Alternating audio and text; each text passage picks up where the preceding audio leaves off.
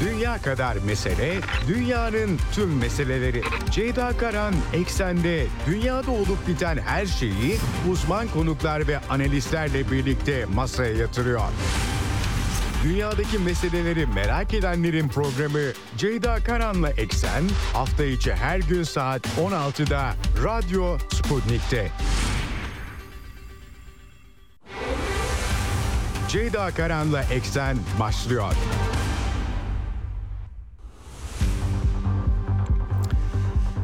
Eksenden merhabalar efendim. Bugün 8 Kasım 2023 günlerden çarşamba dünyadan haberlerle yine karşınızdayız. Yine yüklü bir gündem var. Yine yüklü bir Orta Doğu gündemi var.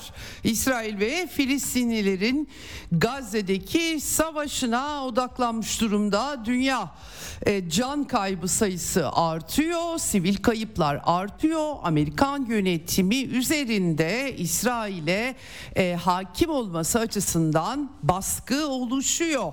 Tokyo'da G7 ülkelerinin dışişleri bakanları görüştü. Anthony Blinken Orta Doğu turundaydı. Türkiye'ye de geldi ve daha sonra G7 toplantısına gitti. Ortak bir açıklama da yapıldı. İsrail'e ateşkes olmasa bile insani duraklama çağrısı yapılıyor. Fakat İsrail hükümeti bunu şu an reddediyor. Tabi bu arada Gazze planları da yavaş yavaş şekilleniyor.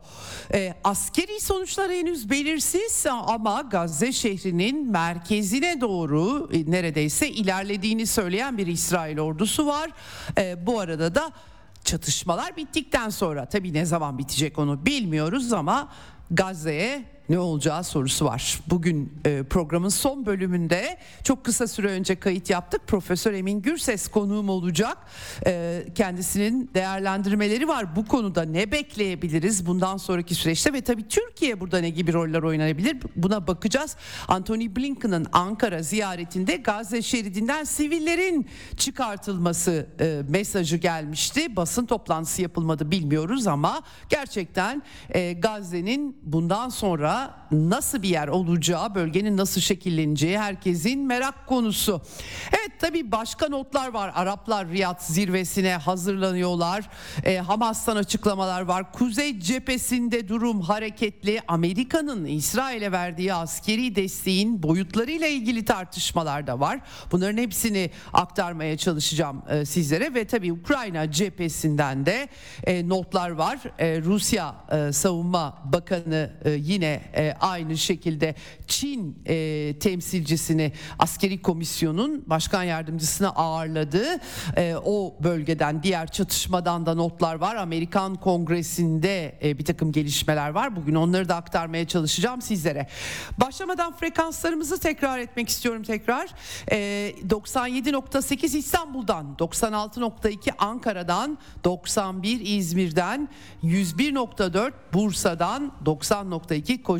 Bunlar karasal yayın frekanslarımız ama bunun dışında Sputnik Türkiye'nin web sitesi üzerinden cep telefonu uygulamasıyla Türkiye'nin her yerinden bizi dinleyebilirsiniz. Yine Telegram hesabı e, ekseni izlemek için, dinlemek için e, Telegram hesabı Radyo Sputnik'e katılabilirsiniz. Hem canlı yayın hem daha sonra arkadaşlarım kayıtları da koyuyorlar. Oradan da rahatlıkla dünyada ne olmuş, ne bitmiş öğrenmek istiyorsanız takip edebilirsiniz. Diyelim başlayalım eksene. Dünya kadar mesele, dünyanın tüm meseleleri. Ceyda Karan Eksen'de dünyada olup biten her şeyi uzman konuklar ve analistlerle birlikte masaya yatırıyor. Dünyadaki meseleleri merak edenlerin programı Ceyda Karan'la Eksen hafta içi her gün saat 16'da Radyo Sputnik'te.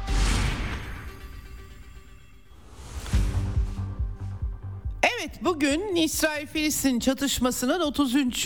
günündeyiz. Can kaybı artıyor. 10.569 Gazze'deki Sağlık Bakanlığı'nın verdiği rakam bu. Bunların 4324'ü çocuk, 2823'ü kadın olarak açıklandı. List isim listeleri yayınlanıyor. Gerçekten Gazze'den e, yansıyan e, görüntüler e, yürek burkucu diyebiliriz. E, bu arada İsrail ordusu da tabii ki bir kıskaç harekatı başlatmıştı Gazze'nin kuzeyinde. Hamas'la daha rahat kent savaşı yürütebilmek için sivil nüfusu en başından beri güneye doğru sevk eden bir İsrail yönetimi var. Tabii büyük tepki de çekiyor bu. Bir koridor açıldığı bilgisi ulaşmıştı ve dün ilk görüntüler de gelmişti ellerinde beyaz bayraklarla yürüyen e, Filistinliler. Yaklaşık bir buçuk milyon hatta 1.6 milyon insandan bahsediliyor. 2.3 milyon bir nüfus var. 40 kilometre uzunluğunda en e, geniş yeri 12 kilometre 6,5 kilometre en dar yeri olan Gazze şeridinde. Tabi güneye geçmek bu sorunları çözecek mi? O ayrı bir problem. Yaralılar var, refah sınırından çıkartılanlar var. Mısır e, açıklama yaptı. E, sadece dün 139'u çocuk 663 üçüncü ülke vatandaşlarının çıkartıldığını duyurdu. Tabi Filistinli yaralılar ve yabancılar çıkartılıyor. Ürdün örneğin 209 vatandaşını tahliye etmiş ama toplamda 600'e yakın vatandaşı olduğu anlaşılıyor. Bugün yaklaşık 700 kişinin geçmesinin beklendiği bilgisi yansımıştı. Listeler veriliyor ama bu listeleri kim yapıyor? Çünkü Rusya Federasyonu ve Bağımsız Devletler Topluluğundan da e, vatandaşlar var. Üçüncü ülke vatandaşları var. Bu listeleri Hamas kendilerinin yapmadığını duyurdu. Amerikalılara çevrildi bu bağlamda. Dikkatler tabii.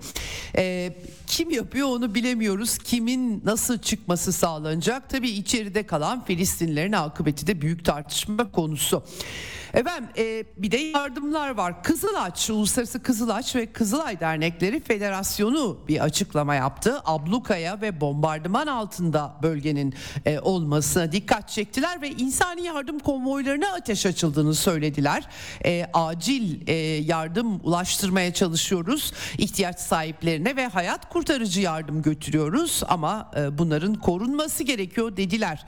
E, Endonezya Hastanesi Gazze'deki yedek jeneratör jeneratörlerin yakıtının tükenmekte olduğu bilgisini aktardılar. Şimdi tabii hep böyle 24 saat 48 saat deniyor. Bilemiyorum ne kadar doğru ama e, belirli düzeyde yakıt bulunduğu belki Hamas'ın elinde stoklarında yakıtlar var. Belki bunların bir kısmı veriliyor. Onu tam bilemiyorum. İsrail izin vermiyor çünkü yakıt sokulmasına. E, dolayısıyla Endonezya Hastanesi Müdürü Birleşmiş Milletler Dünya Sağlık Örgütü ve Kızılaç Komitesi'ne de çağrıda e, bulundu. Irak'tan da bu arada 10 milyon milyon litre yakıt bağışı Irak Başbakanlığı yaptı açıklamayı. Fakat o yakıtlar tabii ki Gazze şeridine nasıl sokulacak? Nereden sokulacak? İsrail yönetimi katiyetle Hamas'ın eline geçeceği için e, tünellere ve sığınaklara, yeraltı sığınakları ağı olduğu söyleniyor. Bir kısım görüntüde yansımıştı. E, buraya hava tabii ki pompalanması için yakıt jeneratörler önemli. O yüzden sokmadığını söylüyor İsrail yönetimi. E, Birleşmiş Milletler tabii Gazze'nin kuzeyinde artık tüm fırınların kapandığını, un satışı olmadığını e, ve dolayısıyla ekmek üretilemediğini e, dile getirdi. Yaklaşık 7 gündür bölgeye gıda ulaştırılamıyor dedi e, Birleşmiş Milletler yardım kuruluşlarının aktardığı bilgiler bunlar. Tabii kuşatma altında Gazze'nin kuzeyi dolayısıyla içeri bir şey girmiyor. İsrail'in e, bu yardımlardan sorumlu yetkilisinin enteresan bir açıklaması var. Bölge e, koordinatörü Albay Elat Goren e, dedi ki kendisi uluslararası hukuk uyarınca e, yükümlü olduğumuz asgari seviyelere yaklaşmaya yakın bile değiliz. Yeterince erzak var, insani ihtiyaç ihtiyaçlar yeterli karşılanıyor. Su da sağlanıyor iki hat üzerinden. Günde 28 milyon litre su sağlandığını öne sürdü. Ee, ve e, güneydeki bu arada güneye anladığım kadarıyla kastediyor. 1.6 milyon güneyde nüfus olduğunu söylüyor. Nasıl saydılar onu da bilmiyorum. Ama 28 milyon litre fazlasıyla yeterli dedi İsrailli yetkili. Şimdi tabii e, aynı zamanda güneş panelleri var hastanelerin elektriğe erişim olduğunu öne sürdü. Dola kim doğru söylüyor bilmiyorum gerçekten. Ama dün refah sınırından geçtiği söylenen bir tırın vurulması sonucu yerlere yayılmış su içme suyu tabii o su çok kaliteli değil verilen su e, bu görüntülerde yansımış vaziyette. Ve böyle bir insani durum var efendim Gazze'de gerçekten hiç parlak değil. Birleşmiş Milletler bu arada Batı Şeria'da da 7 Ekim'den bu yana 147 Filistinlinin öldürüldüğü gibi bir açıklama yapmış durumda. Ee, Gazze ile ilgili de açıklamaları var. Tabii bütün bunlar e, Amerikan yönetimi ve e, İsrail üzerinde baskı oluşturmaya çalışan e, müttefikleri ortaya çıkartıyor. E, Tokyo'da e, G7 ülkeleri gelişmiş 7 ülkenin dışişleri bakanlarının toplantısı vardı. İngiltere, Kanada, Fransa, Almanya, Japonya, İtalya Dışişleri Bakanları, Amerikan Dışişleri Bakanı Blinken bölge turundan sonra gitti ve orada ortak bir bildiri açıklandı. Bu bildiri enteresan bir yandan e, İsrail'in e, meşru müdafaa hakkı 51. maddeyi kullanıyorlar. Bunun savunulduğu, bunun desteklendiği belirtildi. Diğer yandan da bunu bu meşru müdafaa hakkını uluslararası hukuka uygun bir biçimde kullanmasının desteklendiği yer aldı. Bu çerçevede de e, sivillere yardım için acil eylem çağrısı e, ayrıca insani ara verme yani küçük küçük insani aralar e, baskısı artıyor diyebiliriz İsrail üzerinde. Şimdi e, bu Tabii bir yandan yerleşimci meselesi var. Buna da artık e, bir e, Batı, Batı Şeria'daki yerleşimcilerin Filistin Araplara saldırısının kabul edilemez olduğu vurgusu dikkat çekti. Kalıcı barış ya bir denge kurmaya çalıştıkları anlaşılıyor. Çünkü dünya kamuoyunda e, İsrail'in savaş suçları o kadar çok sivil can kaybı oluştu ki o bir ay içerisinde tepkiler yükselmiş durumda. İngiltere Dışişleri Bakanı James Cleverly Tokyo'da G7 bakanları toplantısında bir açıklama yaptı. Ee, kendini savunma hakkı var İsrail'in ama bunun uluslararası hukuk çerçevesinde yapılması gerekiyor dedi. Yunanistan Dışişleri Bakanı'nın bu arada G7 ile alakası yok ama Amerika'nın son yıllardaki en önemli müttefiklerinden birisi malum ee, Yunanistan hükümeti. Dışişleri Bakanı Yere Petritis bir açık e, açıklama yapmış e, bir panelde ve orada ee, aynı şekilde e, artık Gazze'de yaşananlar hani tedbirlerin ötesine geçti. Tabii kendi kendini savunacak İsrail ama bu hakkın nasıl kullanıldığı da önemli diyorlar. E, dolayısıyla e, yani böyle e, müttefiklerden ortaya çıkan manzara e, insani aralarla biraz fa, yani e, Hamas'la savaşa tamam ama hani bu işin insani e, sonuçları da rahatsız edici dünyada dünyadan baskıları da belki özetleyen bir söylem e, oluşmuş durumda. Tabii Beyaz Saray Ulusal Güvenlik Konseyi Stratejik İletişim Direktörü John Kirby küçük çocukların enkazdan çıkarılması e, manzaraları bütün dünya şok geçiriyor bu anlamda. Gerçekten hani son yıllardaki hiçbir çatışmada böyle bir şey görülmedi. Ee, bu görüntüler korkunç diye bir açıklama yaptı ama e, İsrailli e, mevkidaşlarımıza biz her zaman dikkatli olmalarını söylüyoruz. Hamas sivilleri bölgeyi terk etmeyerek yaşadıkları evlerde saklanmalarını teşvik ediyor diye bir açıklama yapmış. Şimdi bölgeden e, yansıyan röportajlarda evlerini terk etmek istemeyen e, Filistinler olduğunu gördüğümüz için bu biraz tabii hani e, insan canlı kalkan e, meselesi dönüyor dolaşıyor. E, kim nerede nasıl bu biraz e, problemli bir durum haline e, geliyor diyebiliriz açıkçası. E, hangisi e, tabii bu po- siyasi pozisyonumuza göre hepimiz bir e, tutum e, alıyoruz. Evet e, şimdi e, e, bu konuda tabii e, savaş suçları gerçekten e, bu konuda tartışılıyor. Batılı uzmanlar tartışıyorlar.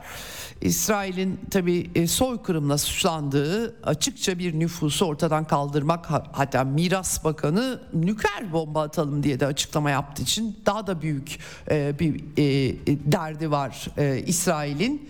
E, dolayısıyla Amerikan e, me, e, yönetimi e, daha da büyük bir e, sıkıntı içinde. E, buradan bu baskıları insani aralarla savuşturabilecekler mi? Bu meçhul Amerika'da da gazeteciler nasıl oluyor da hani e, e, bu iş böyle kotarılıyor e, onu sorgulamaya başladılar. Amerikan Dışişleri Bakanlığı'na e, sorularında hep bu yer alıyor. E, İsrail'in öldürme çılgınlığını vurgulayan gazeteciler öne çıkıyor.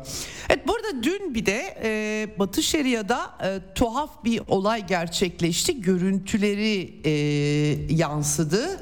E, bu e, Mahmut Abbas'ın e, konvoyuna e, saldırı olduğu yani bir grup ortaya çık grup ismi ortaya atıldı daha doğrusu e, e, Celesun kampından aslında e, bir uyuşturucu kaçakçılığı ile ilgili bir çatışma e, Mahmut Abbas'ın konvoyuna Mahmut Abbas'a suikast girişimi diye yansıtıldı. Ee, ve e, gerçeği bilmiyoruz tabii ki tam olarak ama Mahmut Abbas'ın Filistin yönetimi evinden çıkmadığını söylüyor.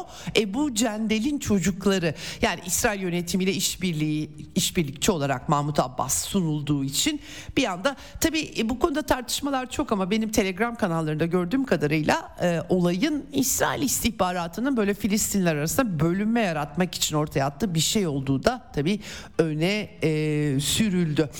Evet e, şimdi e, İsrail'de de burada Netanyahu'ya çağrılar var. Knesset önüne özellikle 240'tan fazla İsrail rehine Hamas'ın elinde ve e, o rehineler e, rehinelerin serbest bırakılmasını istiyorlar. E, birinci ayında çadır kurdular, bir anma e, gerçekleştirdiler. Aynı zamanda sessiz sayılacak bir protesto e, Netanyahu hükümeti protesto edildi. E, polis de e, meclise çıkan yol böyle açıklıkta bir yoldur orası. Demir bariyerlerde güvenlik önlemleri almış, Toma da getirmişler ama sonra bakmışlar ki anma gösterisi ve e, suskun coşkun bir protesto diyelim pankartlara tabi tepkiler yansıyor. Netanyahu'ya evine gidin diyorlar. 64'ü verip Gazze'deki esirleri geri alalım diyorlar. Knesset'teki İsrail koalisyonunun e, sayısı 64. E, tabi 7 Ekim saldırılarında yakınlarını rehin düşenler konuşmalar yaptı. Bunların bir kısmı İsrail bombardımanlarında hayatlarını yitirdi anladığım kadarıyla böyle açıklamalar gelmişti. En az 60 kişiden bahsediliyor. E, bunlardan birisi Maoz Inon aradan bir ay geçti. Netanyahu ne bir aileyi taziye için aradı ne de bir cenazeye katıldı. Aileler parçalandı diyorlar. Ve hükümeti hükümet gitmeden de çadırları bırakmayacaklarını söylüyorlar. Oğullarını kaybedenler var. Gerçekten bu arada İsrail ordusunun çok ağır saldırısı e, İsrailliler arasında 7 Ekim baskınında kendilerini yitirdikleri işte büyük anneleri, çocukları, oğullarının gündemden düşmesine kısmen sebep olduğu için bir burukluk da olduğunu anlıyorum ben olup bitenlerden. Ee, böyle bir durum var ama Netanyahu çok kararlı. Dün Tel Aviv'de yine basın toplantısı yaptı İsrail Başbakanı ve kaçırılanların tamamı bırakılana kadar ateşkes olmayacak e, dediler e, e, kendisi e, İsrail Başbakanı. E, Tabii e, ateşkes olmayınca o rehinelerin akıbeti ne olacak? Hakikaten İsrail'deki tartışmalarda daha daha yakından bakmak gerekiyor. E, kara harekatında ilerleme kaydedildiğini e, Netanyahu söyledi. E, asla ulaşamayacağımızı düşündükleri yere ulaştık dedi Gazze şehidi, şeridi. Kuşatıldı e, Gazze kenti dedi. E, Netanyahu bir yandan da tabii Hizbullah'a tehdit savurdu. Savaşa girmeyi seçerse en büyük hatasını yapmış olur diye. İsrail ordusunun da söylemi sert doğrusu. E, Yoav Galant savunma bakanı e, koordineli bir biçimde havadan karadan denizden El, İzzettin El Kassam Tugaylarına saldırdıklarını ve kuşatmayı sıkılaştırdıklarını duyurdu. E, kuzeyden ve güneyden merkezine doğru Gazze şehri e, Gazze şeridinin kuzeyinde e, ve yer, ilerliyoruz ve yerleşim bölgelerinde savaşıyoruz dedi. E, tabii e, rehineleri bırakmadan hiçbir şekilde bir insani duraklamayı aslında burada e, Amerikan Amerikalı müttefiklerine de bir mesaj onlar insani atıyorum bir gün 24 saat insani ara verdirme gibi bir yöntem olabilir. Bunu da reddediyor gözüküyor İsrail ordusu. Hiçbir şekilde rehineler bırakılmadan insani duraklamaya e, onay vermeyeceğiz dedi İsrail Savunma Bakanı. Aynı zamanda Hizbullah'la da savaş istemediklerini söyledi. Bu arada e, insan duraklama konuşulurken Hamas'tan e, Yaov Galant hayvanlar diye söz etti. Yine bu çatışmanın başında da yine benzer bir söylem kullanmıştı Gazze için. E, bu bu bu bu sefer daha çok Hamas'ı kastederek e, insani duraklamalara her şeyden önce hayvanların elindeki tutsaklar anlamına gelmektedir diye bir ifade kullanmış kendisi.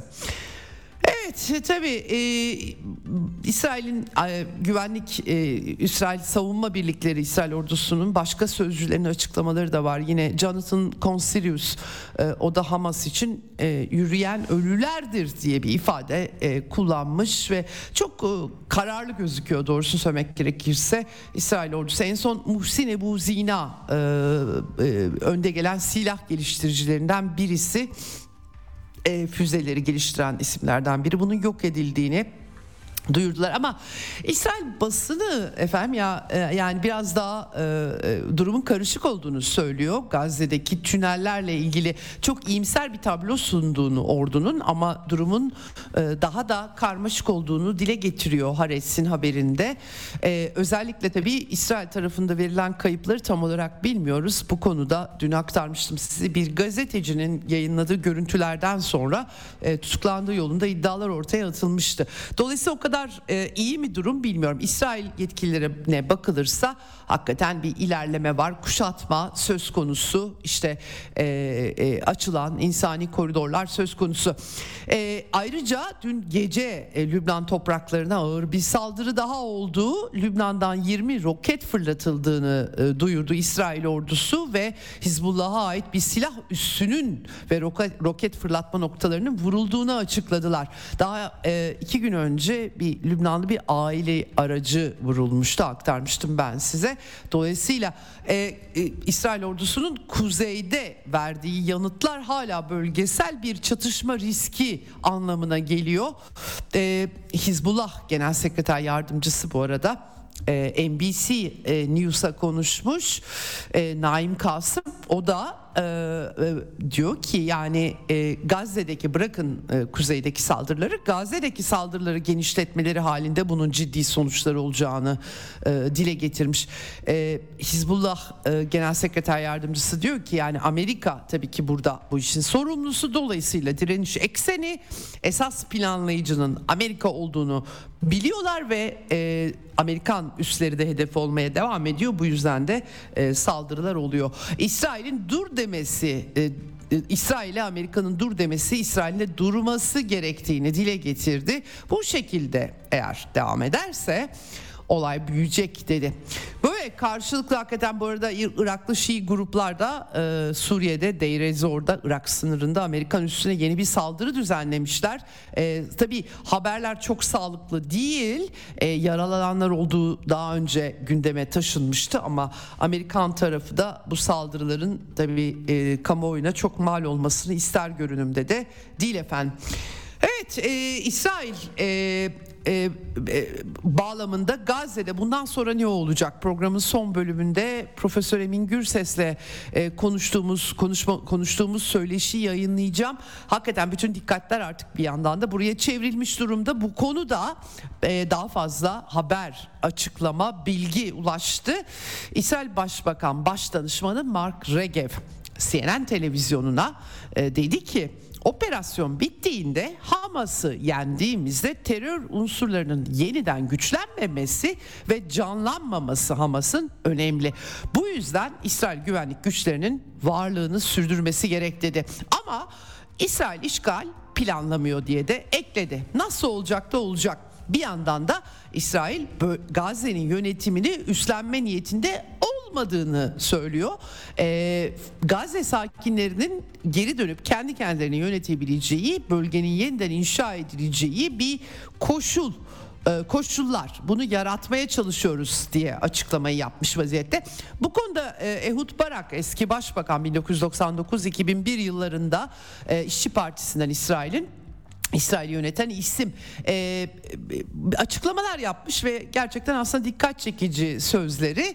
O da e, Filistin şimdi tabii tam tersi oluyor. E, Filistin devleti kurulmasın diye özel yönetimi zayıflatmak için İsrail uzun yıllar Hamas'a yatırım yapmıştı. Şimdi anlaşılan o ki e, planlamalardan bir tanesi Hamas'ı yok edip bir şekilde bir geçiş yönetimiyle bölgenin kontrolü tekrardan Filistin yönetimine devretmek öyle anlaşılıyor. Ehud Barak da buna işaret etmiş ve hatta geçiş döneminde bir çeşit e, Arap gücü oluşturulabilir. Başka ülkeler Türkiye olabilir mesela bunu anmıyor ama kastettiği aslında e, sembolik sayıda katkı verecek başka ülkelerin güvenliği sağlaması. Ya tabii bu nasıl gerçekleştirilecek hakikaten akıl alması biraz zor ama e, e, Barak bu arada Ehud Barak şöyle bir uyarı da yapıyor. Bu işi çabuk bitirmek gerekiyor çünkü baskı artıyor. Amerika'da bize baskı yapacak ve dediklerini kabul etmek zorunda kalacağız diyor.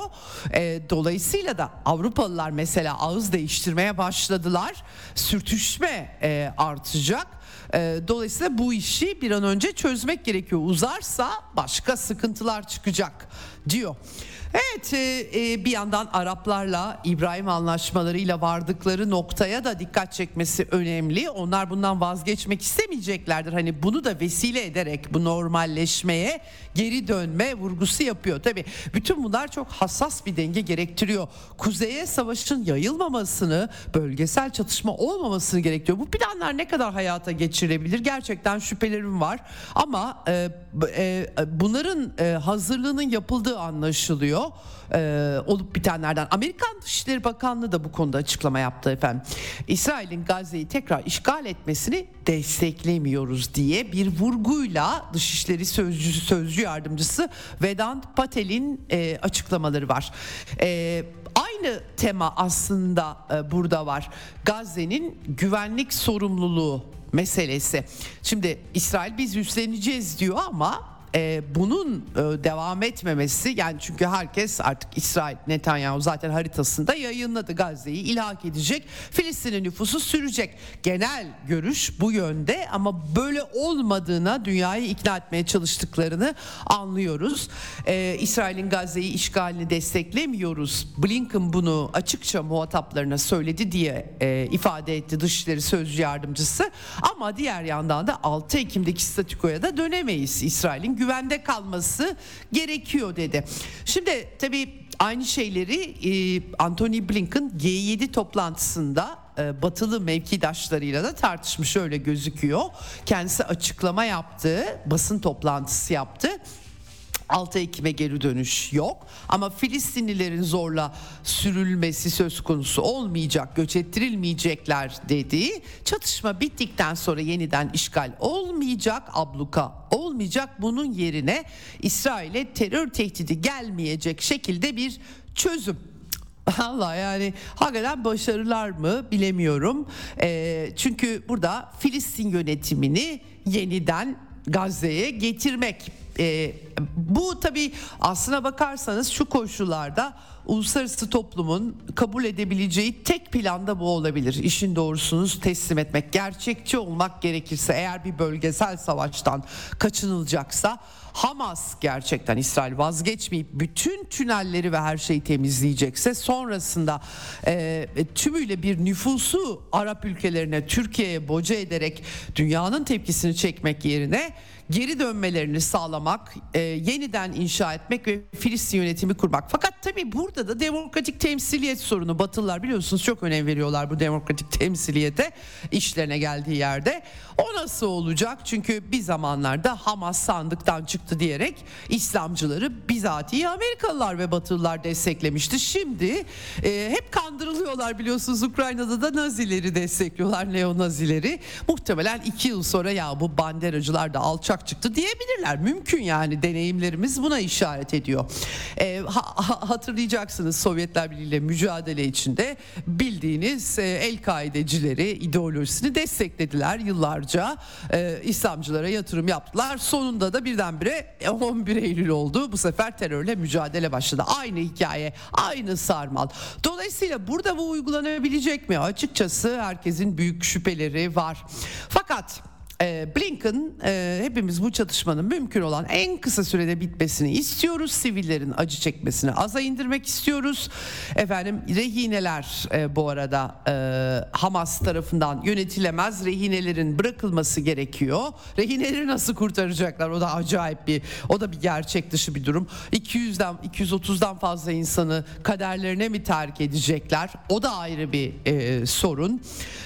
Oradan oraya fazla girmiyorlar zaten zaten. Hakikaten o da e, e, başka bir e, İsrail hükümetinin başka bir e, problemi diyebiliriz. Ee, böyle bir çerçeve çizdiler. Ee, Amerikan Başkan Yardımcısı Kamala Harris yine İsrail Cumhurbaşkanı ile görüşmüş, desteklerini sunmuşlar. Bu arada tabii e, İsrail'e her türlü askeri desteği Amerikalılar veriyorlar. E, 3 Kasım'da ben aktarmıştım size Amerikan Temsilciler Meclisi 14.3 milyar dolarlık yardım tahsisini onayladı ama Senato onayı tabii Cumhuriyetçiler Ukrayna'ya para vermek istemiyorlar artık yenilgi kesinleştiği öyle gözüküyor. Biden yönetimi de 105-106 milyar dolar para istiyor. O Biden'da veto edeceğim diyor. Bu durumda İsrail'e 14.3 milyar doları veto etmek zorunda kalacak ama e, öte yandan İsrail'de de demir kubbe gibi füze hava savunma sistemleri Amerika ile geliştirilmiş sistemler patlıyorlar yavaş yavaş. E, hasar geçtiğimiz günlerde videosu da yayınlandı füzelerden birisi.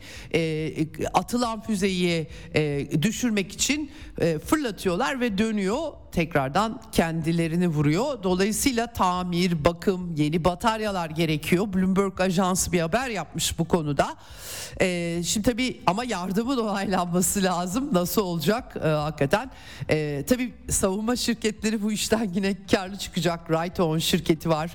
Ee, RTX var. Ee, Amerikan şirketleri bunlar. İsrail e, şirketleriyle çalışıyorlar bu işleri. Ee, Rafael şirketi var İsrail'in. Bileşenleri tedarik ediyorlar. Bu tartışmalar da devam ediyor. Tabii e, ama e, 14.3 milyar dolar temsilciler meclisinde onaylandı ama Ukrayna tasarısı olmadığı için Biden veto edince akıbeti ne olacak? E, bu arada e, çok enteresan The Intercept e, siyasi haber portalı Amerikalı hangi silahları gönderdiğini de gizlediğini e, yazmış e, haberinde. E, sivillerle alakalı tabii daha liberal e, bir, bir enstitü var Quincy Enstitüsü. E, sivil kayıplara yol açma ihtimali yüksek olduğu için silahları mesela Ukrayna'ya sağlanan silahları tek tek sıralıyorlar. Bilmem ne bilmem ne hava sis savunma sistemi yok efendim çok namlulu roket atar, HIMARS'lar şunlar bunlar. Burada ise yok ne gönderiyor kimse bilmiyor. Ee, biraz bunun savaş suçlarını gizleme politikasına bağlamış. Velhasıl tabii Amerika ile İsrail arasındaki savunma işbirliği çok öteden beri e, ne kadar sıkı olduğu hepimizin bildiği bir şey. Evet böyle bir çerçeve var efendim. Şimdi Tabii Arap ülkeleri de e, bütün bu projelerin planların neresindeler? Konuğumla e, son bölümde e, bu konuları da konuştuk. E, 11 Kasım'a dikkatler çevrildi çünkü Riyad'da Suudi Arabistan bir toplantı olağanüstü toplantı düzenliyor. Arap Birliği ve İslam İşbirliği Teşkilatı e, toplantısı aynı zamanda dönem başkanlığını yürütüyor Suudi Arabistan. Çağrıyı da yaptılar. E, e, Gazze'deki kriz ve insani yansıma çalışmalarını tabii bölgedeki siyasi gelişmeleri de e, ele alacaklar. E, dolayısıyla Arapların tutumu da tabii burada önemli. Anthony Blinken boş yere üç kere gidip gelmedi her yere. Göreceğiz sonuçlarını fakat... E, Arapların elinde de kozlar var tabi özellikle İsrail yönetiminin söylemleri biraz daha dengelemiş gibi görüyorlar görünüyorlar ama son dönemde yine de işte e, Miras Bakanı aşırı sağcı Amihai Eliyahu Gazze'ye nükleer bomba atma seçeneğimiz de var diye açıklama yapmıştı. Çok çabuk geçiştirildi. Netanyahu hemen savaş kabinesinden aldı kendisini ve e, hani üstü örtüldü canım o da ben e, öyle metafor yaptım gibi bir ifade kullandı. Peki öyle e, e, algılanmadı dünyada açıkçası. E, Arap Birliği Genel Sekreteri de öyle algılamamış Ahmet Ebu e, Gayt ve e, bu tehdidin hafife alınmaması gerektiğini söylemiş BM Genel Sekreteri Giteres'e de çağrı yapmış bu konuda ama Giteres ne yapsın? Filistin-İsrail meselesinin tarihsel çerçevesine dair bir takım tespitler yaptığı için istifaya davet edildi İsrail tarafından. Dolayısıyla daha az konuşmaya çalışıyor BM Genel Sekreteri. E, ben bütün bunlar tabii Batı'nın uluslararası kurumlardaki hegemonyasına işaret ediyor ve o hegemonya aslında kendi çıkarlarına olan yerlerde e, çok çok e, durum ne gerektiriyorsa e, o kurumlarda nüfuzlarını bu şekilde kullanıyorlar.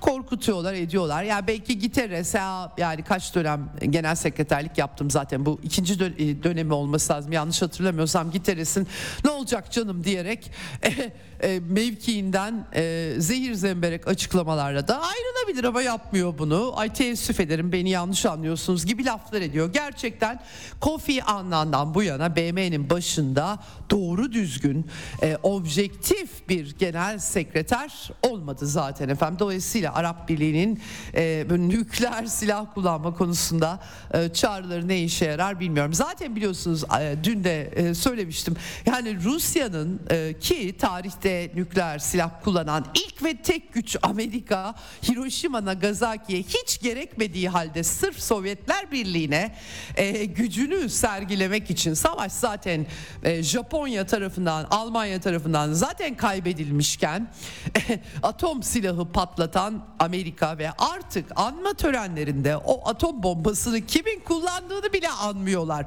Ve hatta hatırlayalım birkaç ay önce çok kısa süre önce Ursula von der Leyen herkesin gözünün içine baka baka sanki Hiroşima ve Nagasaki'yi Rusya Federasyonu bombalamış gibi e, yani inanılır gibi olmayan bir açıklama yaptı. E, atom silahını uzaylılar kullanmış gibi konuştuktan sonra Rusya bir kez daha diye başlayarak cümleler kurdu ve burada açıkça görevde bir bakan görevden de alınamıyor ve nükleer silah kullanma seçeneklerimiz arasında diyor ve gıkları bile çıkmıyor. Böyle bir durum var. Evet. Arapların durumu çok e, parlak değil aslına bakarsanız. Her ne kadar işte Mısır Dışişleri Bakanı Sami Şükrü mesela Kahire'de El Fetih.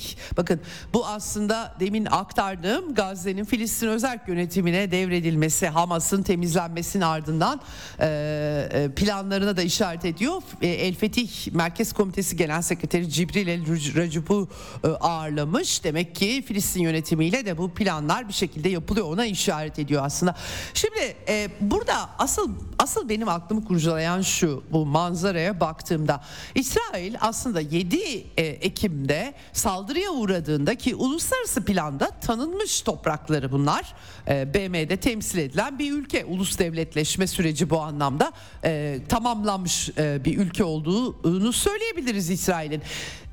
Bu kadar ağır bir saldırıya girişmeden 51. madde hakkını kullanıyor. Meşru müdafaa hakkı. Türkiye'de kullanıyor bunu. Rusya Federasyonu da kullanıyor.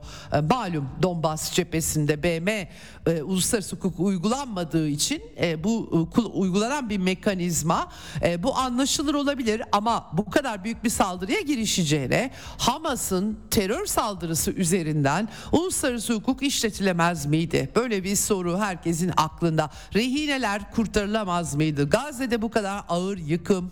Tabii ki e, e, kendi topraklarını bu anlamda temizleyebilirdi ama Gazze'de bu kadar ağır yıkım yaratılmadan olamaz mıydı bütün bunlar diye tabii ki bir de sormak gerekiyor. E, e, ha, tabii ki buna Hamas'ı yok etmek gerekli üzerinden yanıt verilecektir ama o zaman da ne pahasına diye sormak durumunda kalıyoruz. Çok fazla sivil can kaybı ortaya çıkmasından ötürü ve çifte standartlar herkesin gözüne giriyor. Tekrar hatırlatıyorum geçen hafta BM yardım örgütlerinden Rusya'nın Ukrayna'da Donbas'ta 20 ay süren operasyonunda ulaşılan sivil can kaybı ve bunların büyük bir çoğunluğu Ukrayna güçlerinin sebep olduğu e, ölümler burada bir ayda oldu ve kimse herkesin tabii gözünü dikkatine gözüne giriyor dikkatini çekiyor böyle bir durum. Evet şimdi Tabi Araplar konuşuyorlar Gazze'ye yardım, insani yardım ama belki de biraz Riyad toplantısını beklemek gerekecek. Cezayir'den enteresan bu bağlamda bir açıklama geldi. Cezayir İşçi Partisi dedi ki açıklamasında Arap rejimleri diplomatik ve ekonomik ilişkiler aracılığıyla Siyonist rejimin e, Filistin'deki katliamlarına ve suçlarına ortak oldukları için sorumlu ve suçludurlar Gazze halkının ihtiyaçları var e, ama vahşice yıkıma uğruyorlar. Bu yüzden de e, utanç verici korkakça durumu biz reddediyoruz. Arap Birliği'nden çekilelim. Tabii Cezayir yönetiminin bunu yapabilir mi emin değilim doğrusunu söylemek gerekirse. Sadece Arap coğrafyasındaki hissiyatın farklı hissiyatı a, anlatmak bakımından İşçi Partisi'nin açıklaması e, dikkat çekici. evet şimdi ee, İran bu arada Dışişleri Bakanı Abdullahiyan e, açıklama yaptı. Amerika'nın İsrail'e koşulsuz desteğini kınıyoruz dedi. BM Genel Kurulu'nda 120'den fazla ülke ateşkes çağrısı yapmıştı. Ee, Amerika'yı suç ortağı diye nitelendirmiş vaziyette ama e, bu e, tabii ki dönüyor dolaşıyor. İş Arap ülkelerine bağlanıyor. Efendim Avrupa'da ise Avrupa Komisyonu biraz daha İsrail yanlısı görüntü çok büyük tepki yarattı. Protestoları da engelleyemediler malum. Şimdi daha çok insani meseleler 320 ton en son insani yardım göndermişler onu açıkladılar. E, dün aktarmıştım galiba size Alman General Hava Kuvvetleri Komutanı Ingo Gerhards Tel Aviv'e gitmişti. Kan vermişti İsrail askerleri için. Tabi Almanya Olaf Scholz hükümeti ne yaparsa yapsın e, her koşulda İsrail yönetimine e, sadık olduğunu dile getirmişti. O tabii ki Holokost'la ilgili e, bir e, tavır olarak herkes algılıyor.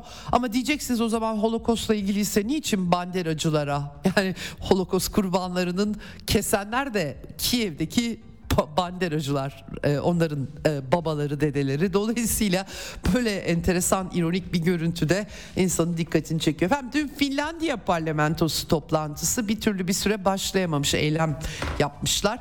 Avrupa'da protesto Amerika'da da New York'ta.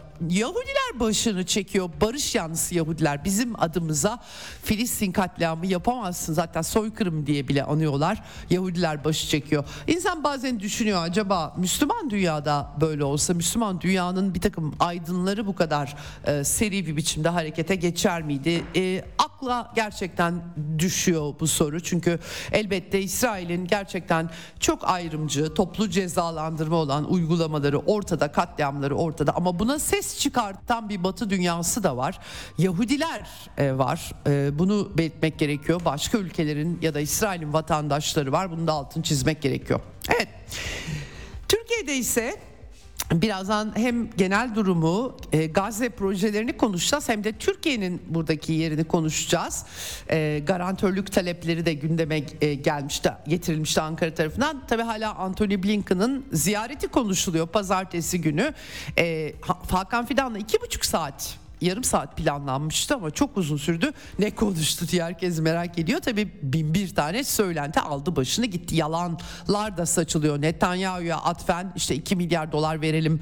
1 milyon 700 bin 750 bin 1 milyon Filistinliyi alın vatandaş yapın dediği gibi bir takım iddialar ortaya atılmıştı ama kaynağı tabii bunun yok.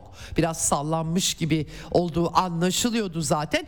Tabii e, ama yine de Blinken ortak basın toplantısı yapmadı. Havaalanında gitti gitti Gazze'den sivillerin çıkarılması konusunda önemli görüşmeler yaptık dedi gitti. Bana sorarsanız bir bomba bıraktı küçük çaplı Türkiye kamuoyuna. Ee, ne demek çıkarılması tam neyi kastediyor diye tabi e, yaralılar hastalar diye anlaşılabilir belki ama öyle demiyor bayağı cümle bu yani sivillerin çıkarılması. Şimdi tabii e, bir de e, ortaya Hamas lideri Haniye ile Erdoğan buluşacak diye iddialar atıldı. Falan hepsi yalanlandı. Cumhurbaşkanlığı, dezenformasyon, iletişim başkanlığı hiçbir anlaşma sağlanmadı. Sivillerin e, durumu görüşüldü, insani yardım görüşüldü. Asılsız iddialar diye düzeltmeler yaptılar. Tabii e, Türk hükümeti geçmişte Erdoğan çok sert tavır aldığı için bu sefer de öyle bir sertlikte olmadığı için e, dikkatler e, Türkiye'ye dönüyor oluyor elbette. Söylem düzeyi yüksek ama somut olarak bir şey yok. Bir tek e, Büyükelçi istişareler için çağrıldı o kadar. E, Ticaret Bakanı e, bir kuvvetle e, bir toplantıda İsrail ile karşılıklı ticaretin yarı yarıya azaldığını söylemiş. Hatta daha fazla Ömer Bolat'ın açıklaması bilemiyorum resmi rakamlar hakikaten böyleymiş. En son e, 9 milyar dolar civarında Türk-İsrail e, ticaret e, İkili ticareti bayağı bir katlanmıştı. Ee, Enerji Tabii Kaynaklar Bakanı Alpaslan Bayraktar da bu arada e, İsrail ile ilgili projelerin e, rafa kalktığını söylemiş böyle bir atmosferde mümkün değil e, diye biz bizim konuşacağımız tek şey Gazze'nin elektriğini nasıl ayağa kaldırabiliriz o olacak diye. E, tabii bilemiyorum Türkiye'de çok büyük tartışmalar bu konuda dönüyor. Bir yandan Azerbaycan İsrail'in petrolünün önemli bir kısmını e, e, e, Azerbaycan sağlıyor ve Türkiye üzerinden tabii Bakü Tiflis Ceyhan boru hattı üzerinden taşındığı e, belirtiliyor. Tabii e, e, İsrail Türkiye Amerika ilişkileri onlar çok kritik ilişkiler. Yani e, herkes e, çok retoriklere retoriğe bakıyor. Belki biraz somut olarak e, duruma bakmakta fayda olabilir. E, dün bu arada Douglas McGregor Ukrayna'da son derece isabetli analizleri olan Trump'la e, Trump eğer seçilseydi çok etkili bir isim olacaktı. Amerikan ordusundan emekli e, e, Albay McGregor e, Türk askeri mutlaka Gazze'de savaşacak diye bir iddiada bulundu. E, bu zannedersem kendisi de Cumhurbaşkanı Erdoğan'ın e, sert retoriğinden yola çıkarak böyle değerlendirmeler yapıyor e, ülkesini seferber edecektir, kaçınılmaz, reddedilemez demiş. Ben doğrusu kendisine hiç katılmıyorum. Cumhurbaşkanı Erdoğan'ın açıklamaları da buna işaret etmiyor artık. O eski devir geçmiş gözüküyor. Erdoğan tam tersine uluslararası diplomaside öyle ilişkileri kesmek olmaz dedi. Tabii neden Suriye yönetimiyle hala ilişkimiz yok diye de sormak gerekiyor kendisine. Araştırmalar var. Asal Araştırma Danışmanlık Şirketi 8-12 Ekim'de anket yapmış ve %64 Türkiye'nin Filistin desteklemesi gerektiğini söylemiş. E, aynı zamanda tabii ateşkes çabalarına destek büyük. Normal %70 Türkiye'de. İsrailli haksız savaş %87,5 buluyor. %25 az buz değil çeyreği tarafsız kalmalı demiş Türk e, ankete katılanların ve e, dört buçukta İsrail'i desteklemeli demiş. Yaklaşık yüzde otuzluk bir kitle olduğunu anlıyorum. Bir de 5.9'lukta bir cevabım yok diyen var. E, böyle bir tablo var. Tabi anket ne kadar doğruyu yansıtıyor bilmiyorum. E, yine de bilimsel yapıldığını söylüyorlar. Evet böyle bir çerçeve olduğunu belirtelim. Ee, Rusya bu arada diplomasisi çalışmaya devam ediyor. Sergey Lavrov Filistinli bakanla e, Sivil İşler Bakanı ile ateşkes ihtiyacını görüşmüş durumda. Yine İsrail e, e, bakanın nükleer silah kullanma seçeneğinden bahsetmesi Rusya dışlarının tepkisini çekti. Maria Zaharova çifte standarda işaret etti.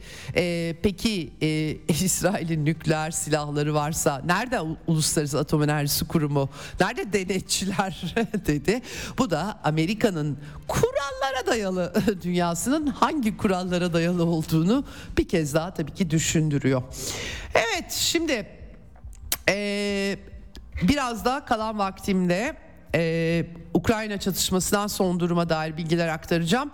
Dün Donetsk'in akşam merkezi vurulduğu haberi geldi. İsrail e, Ukrayna ordusu rastgele yine HIMARS'lar kullanılmış bir otobüs yolcu otobüsüne isabet etmiş ve e, hakikaten ölenlerin sayısı 20. Ukrayna sahada hiçbir şey kazanamadı ve rastgele Donetsk'i vuruyor ve ölümlere yol açıyor. Amerikan yapımı HIMARS'larla yine e, devam ediyor. Bu tabi e, Telegram kanallarında e, savaşı kaybetmenin hıncıyla hareket edildiğine yoruluyor. Cephede hiçbir yerde bir e, Ukrayna ordusunun 4 Haziran'da başlayan taarruzu zaten sona erdi. ilan edilmese de büyük kayıplar devam ediyor. E, onu belirtelim. Sergey Shoigu Rusya Savunma Bakanı Çin'in Merkez Askeri Konseyi Başkan Yardımcısı Zhang e, Yuihom'la e, görüşmüş, onu ağırlamış. Dünyaya hani Rusya ve Çin askeri bloklaşma içerisinde diye bir takım sunumlar yapılıyor. Böyle bir şey olmadığını dile getirmiş. İşbirliği yaptıklarını, askeri bloklaşmaya gitmediklerini, e, güven ve saygıya dayalı bir stratejik işbirliği halinde olduklarını dile getirmiş vaziyette.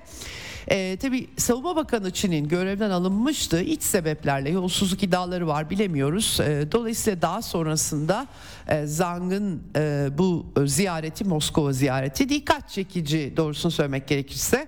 Nikaragua Genelkurmay Başkanı da ağırladı Sergey Shoigu ve e, Rusya'nın Amerikan diktası ve baskısını reddeden tutumunun altını çizdi. Nikaragua Latin Amerika'da önemli müttefiki Rusya Federasyonu'nun onunla ilgili de bilgiler verdi. Evet Amerikan cephesinde de efendim e, çok acayip şeyler oluyor tabii. İsrail'e yardım için bir türlü 14.3 milyar dolar temsilci hamlesinde onaylandı ama Senato kanadı veto edecek e, ve Biden da veto edecek. Senato'da da çıkmayacak demiştim size. E, Ukrayna'ya para çıkarmaya çalışıyorlar ve Maliye Bakanı, Savunma Bakanı, e, Dışişleri Bakanı ayrıca Uluslararası Kalkınma Ajansı USAID, e, Samantha Power e, hepsi kongreye mektup yazmışlar ve e, Ukrayna'ya 11.8 milyar dolar doğrudan bütçe desteği için onay verin diyorlar. Para çıkmıyor çünkü İsrail'e çıkıyor. Ee, bir de bunun dışında bir de e, Temsilciler Meclisi Dış Komitesi Rusya'nın paralarını çalmak için, varlıklarını çalmak için tasarı sunmuş. Ee, görüyorsunuz Amerikan kapitalizmi artık mülkiyet hakkı da tanımıyor. Rusya'nın varlıklarına el koyacaklar ve e, o paraları Ukrayna Kiev'deki banderacılara verecekler. Dış İlişkiler Komitesi'nde 40 vekil evet oyu kullanmış. 2 vekil tasarıya karşı karşı çıkmış. Tabi Rusya bu hukuka aykırı e, diye açıklama yaptı Federasyon Konseyi Kırım senatörü demiş ki yani o zaman kardeşim biz de Amerika'nın ve müttefiklerinin bütün varlıklarına el koyarız bak bakın e, Rusya hala bunca yaptırımlara rağmen varlık el koymasına başvurmadı. E, ayrıca tabii Amerikalılar şunu da düşünmüyorlar. Bundan sonra böyle kararlar alırlarsa kim Amerika'ya sermaye götürecek? Kim yatırım? Amerika biz çok zenginiz her şeyi biz belirleriz diye düşünüyor ama e, valla altınlar bilmem neler hangi devlet İngiltere'ye altınlarını götürecek emanet edecek kafalarına estiği zaman işlerine gelmeyince bir ülkenin bütün varlıklarına şak diye el koyabiliyorlar. Geçmişten beri bu böyle Venezuela'ya yaptıkları ortada ama yani hakikaten bu işler öyle e, bu kadar tereyağından kıl çeker gibi devam edemez. İşin doğrusu Çin var sonra. Çinliler Amerikan tahvillerinden vallaha çekilmeleri lazım. Olur ya Amerika şak diye el koyar. Hiçbir kural, kurallara dayalı düzen böyle e, kapitalizmin en temel niteliği olan mülkiyet hakkını bile tanımaz hale geliyorsa o zaman her şey olabilir. Evet.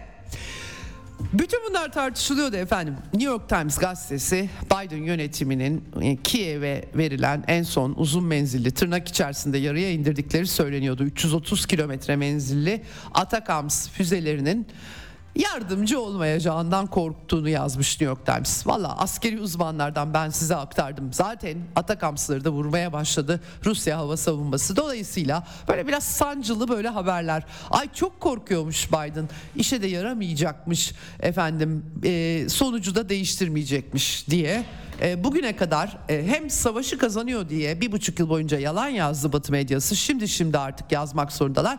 Şimdi birdenbire de savaşı kazanan silah ihtiyacı artıyor. Kazanıyorsa niye zaten ihtiyacı artıyor diye basit bir soruyu bile sormaktan aciz bir takım analistler her yerde olduğu için saçma sapan haberler yapıyorlar. Burada da bu komik bir haber doğrusu ben güldüm yani. Yardım edemeyeceğinden korkuyor. Zaten bu işleri bilen uzmanlar etmeyeceğini dile getirdiler. Etmiyor. Sahada hiçbir kaza 100 bine yakın ölü. 4 Haziran'dan beri 5 ayda artık yani hakikaten inanılır gibi değil. Bir noktada artık müzakere masası kurulması gerekiyor ve e, tabii ki başa bir komedyanı getirdikleri için insanların umursamayan bir ismi getirdikleri için istedikleri gibi kullanıyorlar. Focus dergisi Almanya'nın Ukrayna'da Zelenski'ye güvenin azaldığını yazmış. Bilemiyorum doğrusu ne güven olabilir yani hakikaten çok acayip haberler bunlar. E, Hollanda e, eğitim için 5 e, F-16 göndermiş Romanya'ya. İngilizce öğretmeleri gerekiyor. Kaç yılda öğretecekler o da belli değil. Bir acayip. Slovakya'da Sosyal Demokrat Robert Fico hükümeti e, artık biz mühimmat sevkiyatını bloke ediyoruz Ukrayna'ya yok diye. Ben videosunu izledim Fico'nun açıkça bizim kendi savaş uçağımız yok. Bütün e, elimizde ne varsa Ukrayna'ya verdirdiler. Kusura bakmayın vallahi diyor adam. E, kendi savunmamızı güçlendirmemiz gerekiyor. Ayrıca ekonomik açıdan da e, yani e, bu işler böyle gitmez. Ukrayna'ya 40.3 e, milyon euroluk bir de askeri yardım e, inisiyatifi varmış eski hükümetin. Bunu onaylamıyoruz dedi. E, bayağı bildiğiniz kırmızı bayrak göstermiş gözüküyor Avrupa Birliği'ne. Soros efendim George Soros bütün dünyayı birbirine katan milyarder Elon Musk kendisi için özünde tüm beşeriyetten nefret ediyor demişti geçtiğimiz günlerde. Oğlu şimdi artık Batı liberallerinin gözdesi e, Alex Soros Kiev'i ziyaret etmiş. En Andrei Yermak'la Zelenski'nin başkan ofisinin başkanıyla görüşmüş. Efendim Açık Toplum Vakfı meşhur ülkelerin iç işlerine karışan e, demokrasi kuracağız deyip daha beter yönetimleri başa getiren bir mekanizma Açık Toplum Vakfı. Evet. Evet efendim şimdi e, bugün aynı zamanda Rusya Dışişleri Bakanı Sergey Lavrov'un büyükelçilerle yuvarlak masa toplantısı var. O da Avrupa Birliği'nin durumuna atıf yaptığı, Amerika'nın Avrupa'yı açıkça yok ettiğini, bir yandan kendisinin Rusya'dan uranyum ve kritik materyalleri almaya devam ettiğini, AB'nin Rusya karşıtı yaptırımlardan 250 milyar euro kaybettiğini söyledi. Buça gibi katliamları Rusya'nın üzerine attıklarını, oraya yerleştirdikleri gördükleri cesetlerin isimlerini hala soruşturan olmadığını anımsattı. Gerçekten dikkat çekici bir konuşma. Fakat tabii vaktim azaldı. Çok kısa süre önce Profesör Emin Gürses'le konuştuk ee, ve e, gerçekten önemli Gazze'nin geleceği ve Arap coğrafyası ve Türkiye'nin rolüne dair önemli tespitleri var. Şimdi e, bu tespitleri yayına e, getiriyoruz, gündemimize getiriyoruz efendim.